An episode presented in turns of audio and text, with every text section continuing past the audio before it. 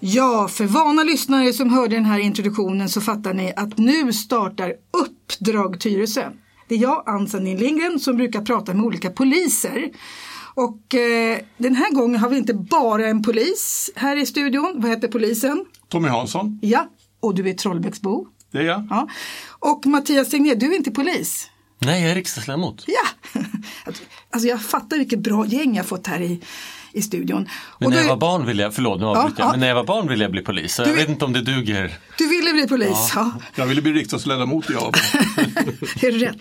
Och vi sitter här väldigt tidigt en morgon som vanligt därför när, när man får, ska ha, få tag på en, på en riksdagsledamot då är det svårt att hitta en bra tid. Så att det är klockan sju, snön har lagt sig över Tyresö och vi ska prata politik och brottslighet. Och Mattias, du var ju här för några, några veckor sedan. Mm. Då pratade vi om det här 73-punktsprogrammet som jag trodde var 72 punkter. Eh, Och då pratar vi just om polisen och eh, de insatser man ska göra för att eller öka antal poliser. Mm. Och då pratar vi om Tommy Hansson. Just. Och då tänkte jag att då är det bra om han får komma hit istället för att prata om honom så får ni prata med. Och så sa jag att det kommer bli debatt. Men då sa, sa du att då, nej, det handlar om samtal. och då svarade Tommy när jag sa ja, det blir samtal. Det är ganska bra. Vad är skillnad på samtal och debatt för dig, Tommy? Ja, alltså debatt, då har man från början grundläggande olika åsikter och olika mål och det tror jag inte vi har. Nej, precis så. Jag gillar samtal. Och eh, då, då sa du bland annat, eh, Mattias, att polisen har aldrig fått så mycket pengar som nu. Ja, det stämmer. Ja. Och då måste jag fråga Tommy, stämmer det? Ja, det stämmer ovedersägligen. Polisen har så mycket pengar så vi skickar tillbaka pengar till statskassan. Just nu kan vi inte ens göra av med de pengarna vi har fått. Och det kan ju verka lite märkligt med tanke på att visst finns det saker som fortfarande inte har löst sig och så Ja. Men det har ju, handlar ju också om att det gäller att kunna anställa rätt personer. Poliser växer inte på trän, poliser tar tre år att utbilda. Ja, satsningen skedde lite för sent för att vi skulle ja, komma till rätta med alla problem som finns i samhället. Däremot har vi anställt flera tusen civilanställda som ska avlasta polisen. Just Och det är det. så det är tänkt. Och vad ska de avlasta polisen med? Ja, många av dem får faktiskt göra utredningar. Eh, Alltså det finns en hel del polisutredningar som man inte måste ha polisiär kompetens för. Sen finns det ett problem med vem som ska göra vad och hur det ska göras. För de kan ju inte åka ut och gripa folk, de kan inte göra husrannsakningar på fältet eh, eller ta saker i beslag hur som helst. Därför att det är tvångsåtgärder som det krävs eh, kompetens för. Ja. Eh, Men, men vi, å andra sidan kan de ju vara bättre än poliser på vissa saker, till exempel IT-brott. De kan vara bättre på att intervjua barn om de är till okej. exempel sociologer eller har annan sån förkunskap. En hel del av dem är faktiskt akademiker. Jaha, Så vad kul. Ja, men det är Och det vill ju intressant. polisen också bli. Ja, och eh, vi, ska prata om det här med polislöner också för det är en viktig grej och varför det är liksom, pengarna inte går dit. Men nu ska jag bara ta upp vad du sa Mattias. Eh, och du, då, då pratar vi om att, för jag då som är, kallar mig numera för eh, politiskt deprimerad och socialdemokrat vilket gör att eh, jag, jag ifrågasatte saker som du talar om, om i de här 73 punkterna. Och då sa du så här, den som gjort mest av alla är Morgan Johansson sa du. Ja, men min, min poäng var så här, det var ju i samband med att man skulle ha en, en misstroendeförklaring mot honom. Just det. Och då, då tyckte jag att det var huvudsakligen politiskt spel. Alltså när jag, när jag säger så så betyder det inte att, att allting vi har gjort är rätt eller allting han har gjort är rätt. Men man kan bara konstatera att, att från han blev justitieminister så har han gjort väldigt många saker kopplat till den ökande kriminalitet som vi, som vi ser. Så att den bilden som han försökte måla fast på honom att han inte hade gjort någonting sedan han blev justitieminister tycker jag inte stämmer något bra. Jag kan inte säga emot. Jag kan säga så här att så många bra nya lagar som dels har kommit men som även ligger i röret och så fort som det ändå går. Jag menar under eh, tidigare perioder så har ju poliserna kunnat ropa sig hesa om eh, att det skulle behövas hårdare straff för, för till exempel att man attackerar poliser eller att vi skulle behöva olika åtgärder för att komma åt vapen eh, och liknande. Eh, och, även unga lagöverträdare. Så händer det faktiskt saker nu. Och i och för sig så tror jag inte Socialdemokraterna till exempel eller ens den nuvarande regeringen är ensamma att ha upptäckt detta utan det, Det, det, det är enad front Ja, egentligen. nu är det så. Och det, det är ju så som Damberg sa i Polistidningen intervju alldeles nyss. Att han kan föreslå vad som helst och, och hårdare straff eh, och hårdare tag och då kommer alltid någon och säger ännu hårdare. Ja, för du, eh, vi, ska göra reklam tycker jag för din sida. För du, i och med att du tillhör polisfacket, det, glömde vi säga. Du är inte bara polis, du är även, vad, vad ska man säga? Din, Man kan nästan säga att jag framförallt nu är polisfacklig. Därför Ja. att det var några år sedan jag jobbade som polis på riktigt. ja.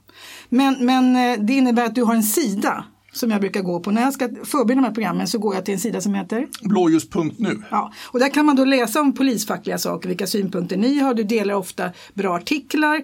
Och då var det så att i, i Polistidningen nu så hade Mikael Damberg bli, blivit intervjuad.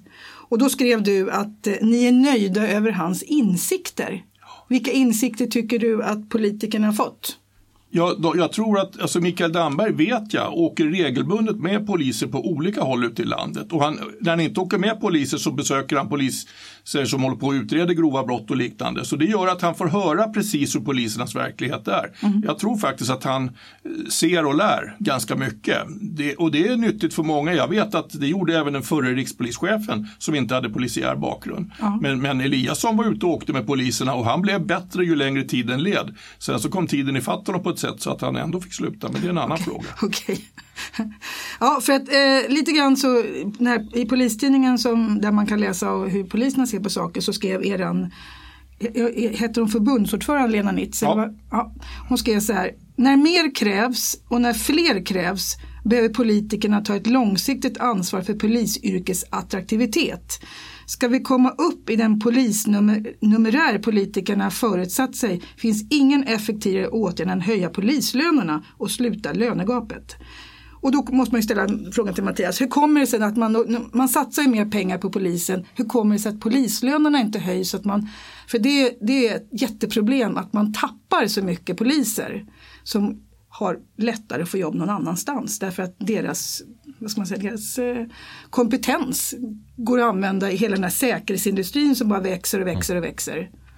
Dels så kan man väl säga att polislönerna har, har höjts. Sen så finns det väl en diskussion vad som är, är, är rimliga nivåer. Men jag, bara som utgångspunkt så har ju polislönerna höjts.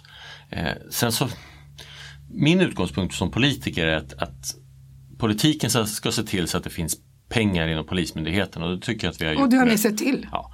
Sen så kan man diskutera när och hur mycket och sådär. Men, men det har vi gjort. Sen så är det ju upp till arbetsmarknadens parter att sätta löner. Jag tror, alltså det, det är ju så vår modell fungerar. Fast jag vet att jag läste för ett tag sedan, några år sedan, att man liksom gjorde en slags lärarlyft och sa 10 000 kronor mer till vissa. Och gick det bra? Nej, det gick inte speciellt bra va? Alltså det är klart att det gjorde ju att lärarlönerna ökade men det var ju en anomali på den svenska arbetsmarknaden. Hur menar du då? Ja, att det inte, alltså, Så gör det, man det är inte? inte så man gör. Liksom. Nej, och därför gör man inte det igen. Det finns ju de som tycker att man ska göra det. Eh, Jag tycker eftersom att jag tror på den svenska arbetsmarknadsmodellen så tror jag att det är bättre att man hanterar det på ett Mm. Att annat det är sätt. parterna själva som bestämmer lönen. Vad säger den ena parten då, Tommy Hansson? Ja, det ligger ju någonting i det, nämligen när det gäller lärarlyftet så sa man ju att det här ska skickas ut på ett visst sätt. Var fjärde lärare ska få ett lärarlyft, lönelyft på 5 000 kronor och då blir det ju orättvisor som leder till att det blir otrivsel i lärarrummet. Ja. Varför får du och inte jag? Men hade man däremot gjort det på ett annat sätt och sagt att alla får 2000 kronor, då tror jag att det hade blivit ett bättre lärarlönelyft också. Och, och det var ju så det var med i debatten om polislöner. Så den börjar ju någonstans nytt- eh, 2016 eh, och då var det det att vissa partier föreslog 2 000 kronor högre polislöner till alla och så var det något annat som kom och sa att det var 3 000 kronor och jag tror att det var uppe i 7 000 Oj. in, eh, den här budgivningen. Ja. Eh, och det är klart att hade, hade man satt ut 7000 kronor till alla poliser i snitt, kanske då efter förhandlingar också, så att det blir någon sorts rättvisa i det, då tror jag det hade haft en bra effekt. Det hade kostat bra mycket pengar, det ska sägas. Och sen är det en annan grej också, och det är det att övriga arbetsmarknaden hade kanske krävt kompensation. Och där har vi då bekymret, det kanske krävs acceptans för lönelyft. Och nu har man ju då gjort på det här andra sättet, lite lugnare kan man säga. Vad, vad, vad, vad, ligger lönerna på, på, på en vanlig polis idag? En ny, nyexaminerad polis i Stockholm tjänar idag ungefär 26,5 i snitt ungefär. Okej. Mm. Men, men rätt fort så blir det ändå bättre och nu sitter man faktiskt när vi talar så sitter man precis och håller på att försöka komma överens i Stockholm om hur lönelyftet ska se ut. Mm. I den sista delen av den här lönerörelsen som är en treårig lönerörelse och på de tre åren så har vi fått 15 procent. Det är, det är fem, ganska mycket. 5 procent per år är för svensk arbetsmarknaden unikt mycket. Ja. Så att det har skett en förbättring. Skillnaden är att det som föreslogs då från vissa partier tidigare det var ju ett slags Alexanderhugg mot polisernas dåliga löner. Och många poliser var och är väldigt otåliga. Så under tiden som man har väntat på de här pengarna, bara att dela ut de här pengarna har ju tagit tre år, mm. så är det rätt många poliser som har hunnit sluta och, och ruttna som tycker alltså att man vill ha en bättre inkomst. Mm. Eh, och det är beklagligt. Dessutom har man inte kunnat fylla stolarna på polishögskolan, Nej. vilket kanske hade varit lättare med högre löneläge. Nu blir löneläget högre och det kommer sannolikt och förhoppningsvis och nödvändigtvis att bli likadant i kommande lönerörelser. Finns det en optimism nu bland polisen att man ser att det är ljusare där framme? Inte nu, men jag hoppas att det kommer att göra det när det här programmet sänds ungefär. Det vill ja. säga att den sista delen ja. av den här lönerörelsen eh, är klar. Ja. Då hoppas jag att, därför att då kommer många poliser att ha fått ungefär 4 000 kronor mer det är ganska bra. Det är ganska bra, men då ingår ju den vanliga normala lönen. Men ja. Det normala hade varit kanske 2000 ja. och nu har vi fått 4000 ungefär i snitt. En del kommer att ha fått lite mindre några få kommer att ha fått ganska mycket mer, en del kan vara uppe i kanske 6 000. Mm. Och de kommer vara nöjda. Det finns poliser idag som redan har fått del av det här på ett sätt så att de faktiskt säger att äh, det går bra nu. Det går bra nu, ja. ja. Och jag tror och hoppas att när det här sänds så kanske det finns en lösning och då får ni läsa det på blåljus. Absolut. Bra, och det som också har hänt nu när, när man har satsat på, på fler poliser det är att väldigt många har slutat. Och 47 procent av de som har slutat bland polisen det beror inte på pensionsavgångar. Så att det, det, det, det är den det finns ju möjlighet att få tillbaks poliser också. Så är det. Och de är ju, jag tror att, för jag pratade med några stycken som sa att de vill egentligen vara poliser. Det var Må, lönen. Många vill det och, och, vi har gjort undersökningar på det och de flesta av de som slutar de gör det på grund av lönen. Nu ska det sägas att omsättningen bland poliser ligger på någonstans 2% vilket är väldigt lågt för svensk arbetsmarknad. Ja, det och det ska sägas att de civilanställda slutar i dubbelt så hög omfattning som poliserna. Aha, okay. Så att eh, det är inte så att poliserna, alla poliser vill försvinna och alla poliser försvinner. Problem, vi har varit vana vid att det har varit som för mig själv, att man blir polis och sen är man det så länge man är arbetsför. Eh, men, men eh, riktigt så är det inte idag. Dels så finns det en bättre alternativ arbetsmarknad och dels så är man inte lika, lika bunden till sitt arbete som man var på den och man är tiden. bättre utbildad, man är akademiker. Ja, mer eller mindre. Så ja. Många kommer in med jättegoda förkunskaper till polishögskolan och, och det har de ju inget betalt för utan Nej. man får ju bara betalt för som polis. Ja, När man precis. blir polis, blir man civilanställd, då kan man få betalt för sin kompetens, alltså sin formella utbildning. Mm. Er rikspolischef skrev på Dagens Nyheter den 26 november eh, att färre uppklarade brott när vi fokuserar på grov brottslighet och det heter Operation Rimfrost det man gör nere i Malmö. Och att det kan ta flera år att vända utvecklingen och att det är fullt på anstalter, häkten och ungdomsinstitutioner. Och Mattias, jag såg på Facebook mm. att du gick upp i talarstolen i riksdagen just och ställde en fråga till eh, Micke Damberg om det här med vad händer när, när polisen får fullt upp med den grova brottsligheten. Mm. Vad var det du höll för anförande där? Jag ställde en fråga, det är ju kopplat till riksdagens frågestund, alltså riksdagsledamöternas möjlighet att ställa frågor till regeringen. Så jag ställde en fråga till Mikael Damberg kopplat till ungdomsbrottsligheten och ungdomsrånen. För ja. vi vet ju här i Stockholms regionen så sker det ungefär tre ungdomsrån eh, per dag. Och just i Tyresö har de, om man bara tittar på 2018 och 2019 så har de fördubblats. Eh, så att min fråga var egentligen vad, vad regeringen gjorde då. Mm. Gör man så även när man, liksom, eh, är, om man tillhör regeringspartiet?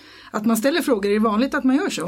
Ja, det, det är det. Sen så är det väl liksom lite olika hur, hur, hur skarp frågan är. Alltså, mm. jag menar, jag men, men jag tycker att det är, en, det är, en, viktig fråga och jag uppfattar att regeringen gör en del saker. Va, vad fick du för svar? För att jag tog bara den lilla snutten på Facebook där du frågar. Just det, ja, men han, han svarade ju just kopplat till de polissatsningar som görs. Han nämnde även eh, kameraövervakning och också en del liksom, förebyggande insatser. För, för det är en av de sakerna som, som oroar. Alltså, jag har ingen annan uppfattning än att man behöver prioritera den, den grova organiserade brottsligheten och, och, och den grova oorganiserade brottsligheten. Men det som kan vara oroande är ju att om man då inte hinner med andra saker så, så skapar det nya, nya klyftor i samhället. Och därför tror jag det är viktigt att när, när det nu förhoppningsvis kommer fler poliser att man lyckas eh, prioritera den här typen av brott men också ehm, jag var besökte företagare igår och träffade bland annat en, en ICA-handlare. Och, och jag tror även, även där är det ju viktigt när det blir fler poliser att, att, att man klarar av att ge sig på vardagsbrotten. Ja. Ehm, För, för, för att där, de måste ha egna väktare för att klara de som bara går in och tar saker. För där är det väl inte brotts... Alltså man, man åker väl inte fast om det är en viss summa va? Man kan plocka på sig ganska mycket och man blir kanske... Eh, man att- blir släppt va? Jag, jag tror att gränsen för grov eh, eller för eh, ringa stöld är väl 1000 kronor tror jag och, och riksåklagaren tror jag ville höja, höja det till 1250 eller något sånt. Men, men vad händer då om man, om man tar en eh, snattare? Ja, problemet för en ICA-handlare som gör det, det är att han i värsta fall får vänta tre timmar på polis. Som, Han sa kom, exakt som så. kommer och hämtar eh, den här snattaren som vi kallar dem för. Eh, det är ringa stöld idag. Eh, och eh, då säger den här eh, ICA-handlaren ofta istället att "Nej, jag pallar inte med det här för den här personen har inga pengar, han kommer att få böter för det är det enda de får. Eh, Och då sparkar man ut den ur ICA-butiken istället kanske, eller sådär. Och sen säger man kom inte tillbaka, men de har ju inte ens rätt att porta folk från sina ICA-butiker. De har det- inte rätt att porta? Nej, nej, Nej. nej. Det, det anses ju vara en allmän rättighet att gå in och handla. Liksom, så att, mm. Men, men de har ju väktare i många av de här. Ja. Men, Va- va- men väktarna får inte heller avvisa folk bara på den kunskapen att de tidigare har snattat. Eller, eller att man har en generell portning av de som tidigare har snattat. Men, men hur skyddar man sig då som ICA-handlare? Ja, det är extremt svårt och de har ett helsike. Det är ju precis det som Mattias beskriver här. Och är, så, är, är det på gång någonting mot det? För att det verkar ju, om man nu har en verksamhet där, där folk kan stjäla utan att de får några konsekvenser. Ja, men, eh, ytterst tror jag ändå att satsningen på polisen eh, som gör att, att det är större tillgång till poliser i den här Ja. typen av situationer. Det tror jag ändå är grund, det måste vi ändå så gå tillbaka till att det är grundlösningen. Sen så finns det andra saker. Tillträdesförbud tror jag finns men det är också en extremt eh, omständig process. Den kan man möjligtvis liksom fundera hur man gör. Man har underlättat möjligheten för kameraövervakning både inomhus och utomhus. Det tror jag också kan göra, göra någonting. Men i, men i grund och botten så tror jag att, att det handlar om om tillträde till polis. Sen så några av de ICA-handlare som jag har träffat pratar ju mycket om alltså, samarbete och förebyggande åtgärder. För det är klart att, att eh, i de här fallen handlar det ganska ofta om, om ganska unga personer och, och att det inte finns eh, vuxna människor som ser dem. Så att jag tror i, i grunden handlar det om fler poliser så att det finns tillgång till det men också Ja. ordentliga förebyggande eh, åtgärder och att, det inte, att vi inte bara tror att det är polisen som Nej. ska eh, hantera de förebyggande åtgärderna. Och det, det tycker ju polisen själv också. Och är det inte också så Tommy att för att polisen ska kunna göra sitt jobb så måste hela den här kedjan fungera? Med, Absolut. med alltså, rättsväsendet, sociala, skolan, alltihopa måste ju funka. En sån typisk sak det är just unga, ganska grova lagöverträdare som börjar tidigt starta en kraftig mm, kriminell karriär. Att är det dåligt med SIS-hem och så ko- kostar SIS-hem? Vad är SIS-hem för Ja, någonting? det, det är Statens institutionsstyrelse, det är de, det som förr väl kallades ungdomsvårdsskolor. Låsta hem? eller? Låsta hem, ja. Där, där man sätter de som är allra värst kan man säga. De som, de som eh, har störst problem. Eh, problem. De kostar ju så mycket pengar och det finns så ont om vettiga platser. Så kommunen undviker ju i det allra längsta att sätta eh, in ungdomar på sådana här hem. Jag, och jag tror till exempel att i Tyresö så skulle man nog göra det för man har inte så väldigt många som har de här bekymren. Men i, ah, på andra ställen där det är mer utsatt, där blir det en avsevärd kostnad på socialbudgeten. Och de måste ju hålla sin budget de också. Det är tufft alltså för, för, för de här, kommunal, kommunerna har ingen jättebra ekonomi alla gånger. Jag tror Tommy är inne på någonting där. Alltså, många av de förebyggande insatserna av olika slag är ju kommunerna som finansierar. Sen om det går helt fel så är det på något sätt staten som kommer börja. Alltså, på något sätt så kommer det från olika budgetar Ja. vilket gör att det liksom inte blir, Det inte det blir inte tydligt. För jag menar, vi vet ju att om någon går helt fel, jag, jag tror att jag har hört liksom bedömningar någonstans mellan 20 till 25 miljoner Ja. kostar en person som blir liksom yrkes, yrkeskriminell. Mm. Och det är klart att då tidiga förebyggande insatser känns ju som att det varje dag i veckan är att föredra om det är möjligt. Liksom. Jag, jag som då hänger på sociala medier, säger man, säger man, när jag- tittar på Facebook ibland och läser kommentarer, till exempel jag läste dina kommentarer på när du hade varit uppe där i riksdagen. Då är det väldigt mycket andra diskussioner som blir när, när man, när, ja, då får man ju kritik för att eh, bilden av verkligheten har man Eh, fokuserar vi på fel saker och så vidare. Och det tycker jag är jättejobbigt nu att det finns en diskussion om tar man SDs eh, argument, alltså det, det är deras frågor eller prata inte om det här för det gynnar dem eller nej vi har aldrig haft det tryggare, kriminaliteten går ner, brotten går ner, det har aldrig varit så lite. Alltså den här diskussionen om bilden av verkligheten. Mm. Vad är din bild Mattias av är det, Håller vi på att skapa en bild av verkligheten som inte är sann? Eller vad är det? Jag tycker att det är viktigt att man försöker, alltså i alla politiska frågor, att man försöker hålla sig till liksom fakta och statistik ja. och sådär. För, för att nog finns det liksom sociala medier som drar iväg åt alla, åt alla möjliga Just håll. Det. det. vet jag att, eh, jag tror att det var närpolisen i Järfälla som, som nämnde det kopplat till otryggheten. Jag tror att det var i Upplandsbro och mm. i Upplands Väsby. Så att eh, nog finns det ett problem liksom, när verkligheten eh, beskrivs på ett visst sätt och det skenar iväg. Så att jag, jag, tycker verkligen man ska, jag brukar inte vara den som, eh, som skriker. Jag tycker till exempel att det är klart att vi ska vara glada när vi ser nu att jag tror att det är villainbrotten som har gått ner i, i Tyresö om man tittar på, på fem år. Mm. Och det är klart att då ska bra. vi vara glada för det. Och de anmäls ju eh, korrekt därför att annars får man inte ut på försäkringen. Ja. ja. Men, men, jag menar, men däremot tycker jag att när vi ser att, att det är någonting som, som händer, då behöver vi prata om det och försöka, försöka agera. Ja. Men, men jag, det, för mig är det liksom skillnaden. Att försöka ändå ha utgångspunkt i den kunskap som finns, i den statistik som finns bland den, de mm. poliser som finns och, och inte använda det eh, av politiska skäl för att, för att skapa en bild som inte är sann utan eh, använder kunskap som finns för att försöka lösa problemen. Ja, precis så. Vad säger Tommy? Jag tycker det är fel att låta den frågan hamna hos Sverigedemokraterna. Jag tycker att eh, på samma sätt som eh, homosexuella tog namnet bögarna och, och, mm. och satte en stolthet i det. Så tycker jag att alla politiker borde ta tag i de problem som finns på brottslighetens område. Och sen är det som eh, Mattias säger att en del brott har ju faktiskt gått ner. Exempelvis är det väldigt sällan man rånar banker längre. För det Såklart. finns inga pengar. Finns ju inga pengar på bankerna. Å andra sidan så har ju det här då med personrån gått upp något fruktansvärt vilket ja. är eh, också en kränkning. Men jag menar att förut var det bankkassörskor som blev traumatiserade och idag kan det vara 12-åriga pojkar eller flickor som blir av med sin iPhone. Så att eh, hur man än vänder sig, eller sin jacka ska jag säga.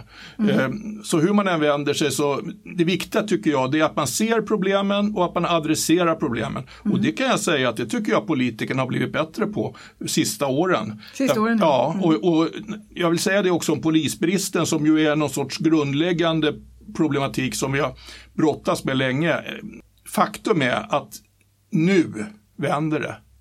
Faktum är att precis i höst nu, i, i november, så är vi ungefär 300 fler än för ett år sedan. I Stockholm? Eh, när man jämför samma, nej i Sverige. I Sverige. När man jämför samma siffror. I Stockholm kan vi vara då en, ett hundratal fler mm. totalt. Problemet är ju att det tar ett tag innan de här poliserna kommer ut på gatan för att det finns ju luckor precis överallt och när man fortsätter att skjuta varandra, en ut, mordutredning, en skjutning på en gata kan det gå åt hundra poliser för att utreda. Det är mycket som, som eh, de här grova brotten tar en väldigt stor polisresurs. Men, men när vi nu blir fler, vi blir fler nu och det kommer att gå ännu fortare nästa år. Mm. Så att um, det finns faktiskt ett, ett, ljus i tunneln som en, man sa förr i tiden. Mm. Däremot har ju vi en väldigt speciell situation i Tyresö. Det pratade vi om ja. innan eh, Mattias kom in. Det här med att vi ligger väldigt långt ifrån egentligen. Mm. Både när det var polisstation i Handen och nu är det polisstation i Nacka och vi har ingen polisstation här. Mm. Så att vi blir ju ett glömt område och i och med att vi inte är, vi har inget sånt där av polisen vad heter det nu? Särskilt utsatt område. Nej, vi kanske håller på att få om vi inte gör någonting åt det. V vad gör man åt det då? Att, att en kommun själv inte kan styra över sånt här? Nej, så är det ju. Och, och problemet är ju att polisens organisation, man, man, man har ju gång på gång uppfunnit kvarterspoliser, närpoliser, områdespoliser mm. och sen kom det lokalpoliskontor. Och allt det här har man gjort gång på gång därför att det behövs poliser på sådana här platser som i Skogås, som i Tyresö, mm. som ligger en bit ifrån huvudpolisstationen. Eh, och när man lämnar det, då brukar det bli mycket sämre. Man ser aldrig en polis, allmänheten börjar klaga och det sker en massa brottslighet. Eh, när, det blir fler, när, när, när, polisen har det där bekymret att när vi är för få så måste vi prioritera. Vi måste utreda mord, vi måste utreda våldtäkter, brott mot barn och allt sånt där. Det har gjorts nya polisinsatser i Tyresö. Jag träffade två poliser i centrum som vi pratade med och då var de, eh, sa vi, varför, precis då hade det brunnit uppe på Gröningsringen. Och då sa vi så här, varför är ni inte där? Nej, vi har bara en polisbil. Och de kan ens, inte åka med en polisbil dit för då blir det vandalisering. Så de måste de vänta in nästa polisbil. Men de visade, de var ju nere i centrum för att visa sig och de gick omkring. Så att någonstans så förstår man ju att man måste synas för att annars så börjar medborgarna undra vad det är som händer. För det har hänt saker uppe på Grannesting, det har hänt saker på andra ställen också går det ju det här med, kan vi, du, för du är också kommunpolitiker Mattias, mm. kan kommunen göra någonting för att öka det här känslan av att, eller vad man nu ska säga, få folk att känna sig lite tryggare och se, se någon polis? Ja men det, det tror jag, alltså dels eh, när det, vid den här tidpunkten när det brann väldigt många bilar så, mm. så ökade ju kommunen den mängden väktare som man hade just för att komma åt den. Just den, mm. den situationen. Sen så i, i, grunden så är det tillbaks till det behöver vara fler poliser. Sen så Närmare medborgarna? Absolut, absolut. Det är där någonstans det förebyggande eh, mm. arbetet finns. Och det var också därför jag och kommunstyrelsens ordförande skrev till, eh, till chefen för polisdistrikt syd bara för att lyfta upp det faktum att vi eh, lätt hamnar lite vid, vid sidan av. Och, och jag förstår att det är extremt svårt eh, att prioritera och det finns andra kommuner som har betydligt större problem än Tyresö. Så jag, har, jag har respekt eh, för det men jag tyckte ändå att det var viktigt att lyfta fram att, att Tyresö lätt inte bara i polissammanhang utan även i andra sammanhang blir lite glömda för vi ligger lite, lite på kanten. Liksom. Ja. Ja. Det vi faktiskt eh, gjorde, det jag vet att den nya eh, kommunchefen fick i, i uppdrag att göra bland de första sakerna han fick när han började här i kommunen. Det var ju att titta på trygghetssituationen uppe i, i berginområdena. Mm. Så att, så att, det finns en vilja, politisk vilja finns. Verkligen. Ja. Mattias, nu måste vi släppa dig för att du har som sagt att du måste vara med på ett telefonmöte om två minuter. Just det. Och det kan, kan du inte gärna ha här direkt i radion va? Det hade varit spännande. Ja visst. Man fattar att här på morgonen tidigt så inte nog med att du måste lämna barn, du måste även sätta dig i telefonmöte. Så nu släpper jag dig. Fantastiskt, men vilken ja. bra start på morgonen att få ja, vara med här. Fattar du? Ja. Jag, jag hade många fler punkter som jag ska, skulle vilja tagit upp för att det finns mycket att fundera över. Du, du får jättegärna komma tillbaka. Jag tycker ni för ett bra samtal istället för att man slår varandra i huvudet. Jag tycker det är positivt. Ja, bra. Tack, tack, så mycket för, för, tack för att du kom hit Mattias Tegnér. Tack för att jag fick komma. Och tack för att du kom hit Tommy Hansson. Tack. Och det ni har lyssnat på nu är Radio Tyresö 91,4. Jag heter Ann Sandin Lindgren och den här programserien heter Uppdrag Tyresö.